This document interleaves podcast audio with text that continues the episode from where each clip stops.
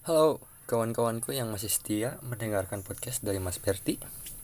Gimana nih kabarnya? Masih sehat-sehat kan ya? Salam damai ya tuh ya untuk semuanya. Satu lagi Semoga corona cepat berhenti ya biar semuanya bisa ber beraktivitas normal kembali. Ya jadi di episode ketiga ini saya akan membahas podcast dengan bertemakan musik dub.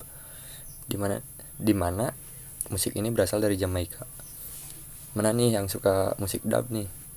Mungkin sekarang lagi hype-hype-nya ya musik dub di kalangan remaja. Ayo tuh langsung saja ke ceritanya. Kemons.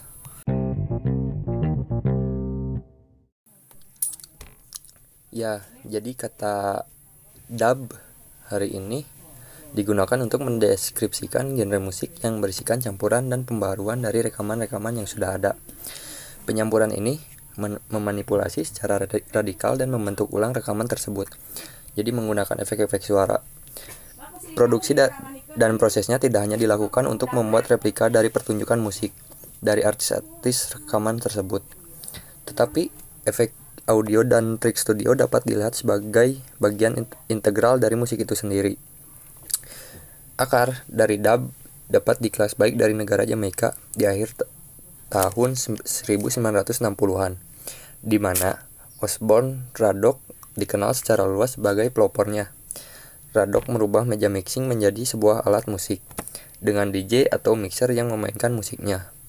Contoh, musik dub di masa-masa awalnya dapat didengar pada intro-intro musik dansa atau gen genre musik pop.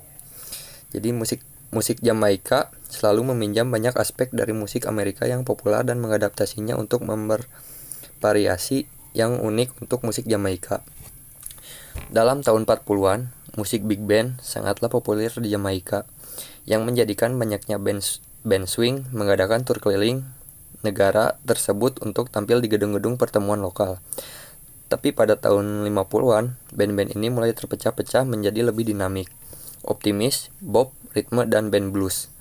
Orang-orang Jamaika yang berkeliling Amerika untuk mencari pekerjaan untuk mencari pekerjaan terekspos pada jenis musik ini yang cocok dengan optimisme selesainya perang di Amerika. Tidak hanya musik itu ditampilkan secara live, tapi juga diputar dengan sound system. Dan tren ini juga segera menjadi tren baru di Jamaika. Operator-operator sound system mulai bermunculan di area lorong-lorong ibu kota Jamaika, Kingston, dan mengadakan acara dansa secara besar-besaran di area terbuka yang mereka sebut lahan bercocok tanam kosong. Operator-operator ini juga mengadakan perjalanan ke distrik-distrik Jamaika untuk bersaing langsung dengan band-band besar. Sound system langsung mengambil alih tempat-tempat dansa. Dan karena banyaknya orang yang tidak memiliki radio, itulah satu-satunya cara untuk mendengarkan musik baru R&B. Sound system juga lebih mudah dioperasikan daripada selusin musisi dan dapat bekerja tanpa henti. Di tengah-tengah 1950-an, Ducre dan Clement Coxcon Dodd telah menjadi operator sound system yang terkenal di Jamaika. Jadi pada tahun 1954, Ken Corey memulai Federal Records, perusahaan rekaman pertama di Jamaika yang dapat men yang dan yang dapat mendapatkan izin untuk memperbanyak album-album rekaman dari Amerika, juga artis-artis lokal. Mengikuti kesuksesannya mengikuti mengikuti kesuksesannya, Ducret dan Clemens Dad juga membuat sesi-sesi rekaman mereka. Merekam artis-artis Jamaika dengan sound systemnya sendiri dengan harapan dapat memasuki kancah kompetisi bisnis. Ducred merekam Derek Morgan dan Eric Morris untuk permainan sound system yang bermain di S Corner di Jalan Spanish Town. Bahkan menamai rekaman pertamanya S Corner Rock. Ketika dimainkan dengan sound system sebagai rekaman eks eksklusif, Clement Dowd juga membuat sesi-sesi rekaman pertamanya tahun ini.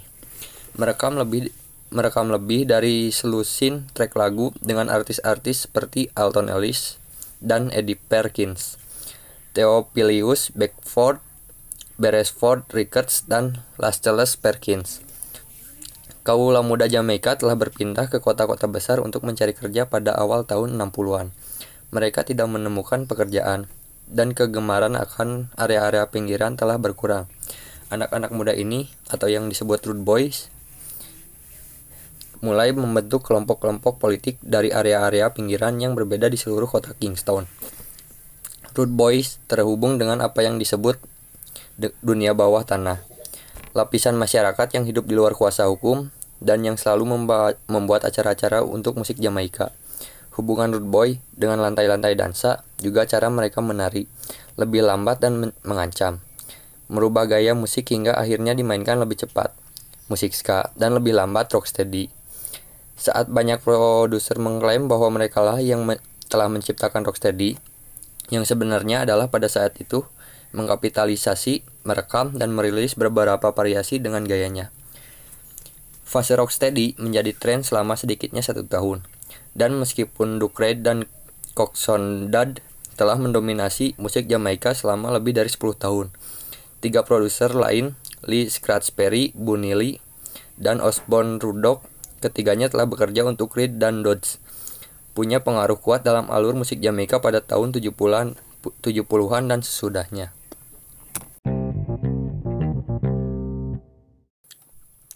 Ya jadi awal mula musik dub ini akarnya dapat kita lihat dari berasal dari Jamaika di akhir tahun 1960-an yang di mana Osborne Rudock dikenal secara luas sebagai pelopornya jadi Osborne Rudock ini yang menjadikan musik dub itu menjadi tenar sampai sekarang ya.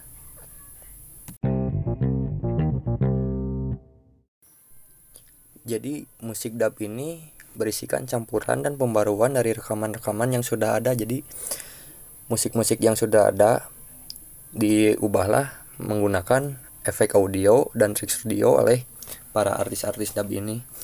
Jadi merubah gaya dari musik sebelumnya menjadi lebih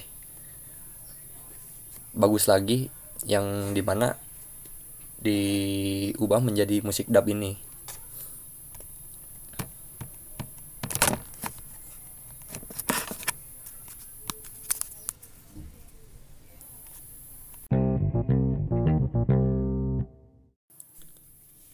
ya jadi mungkin segitu aja kali ya cerita dari kelas balik adanya musik dub ini jadi kurang lebihnya mohon dimaafkan karena saya masih belajar juga ya membuat podcast ini. Terima kasih yang udah setia masih mendengarkan podcast saya ini. Selalu salam damai untuk semuanya. Assalamualaikum warahmatullahi wabarakatuh.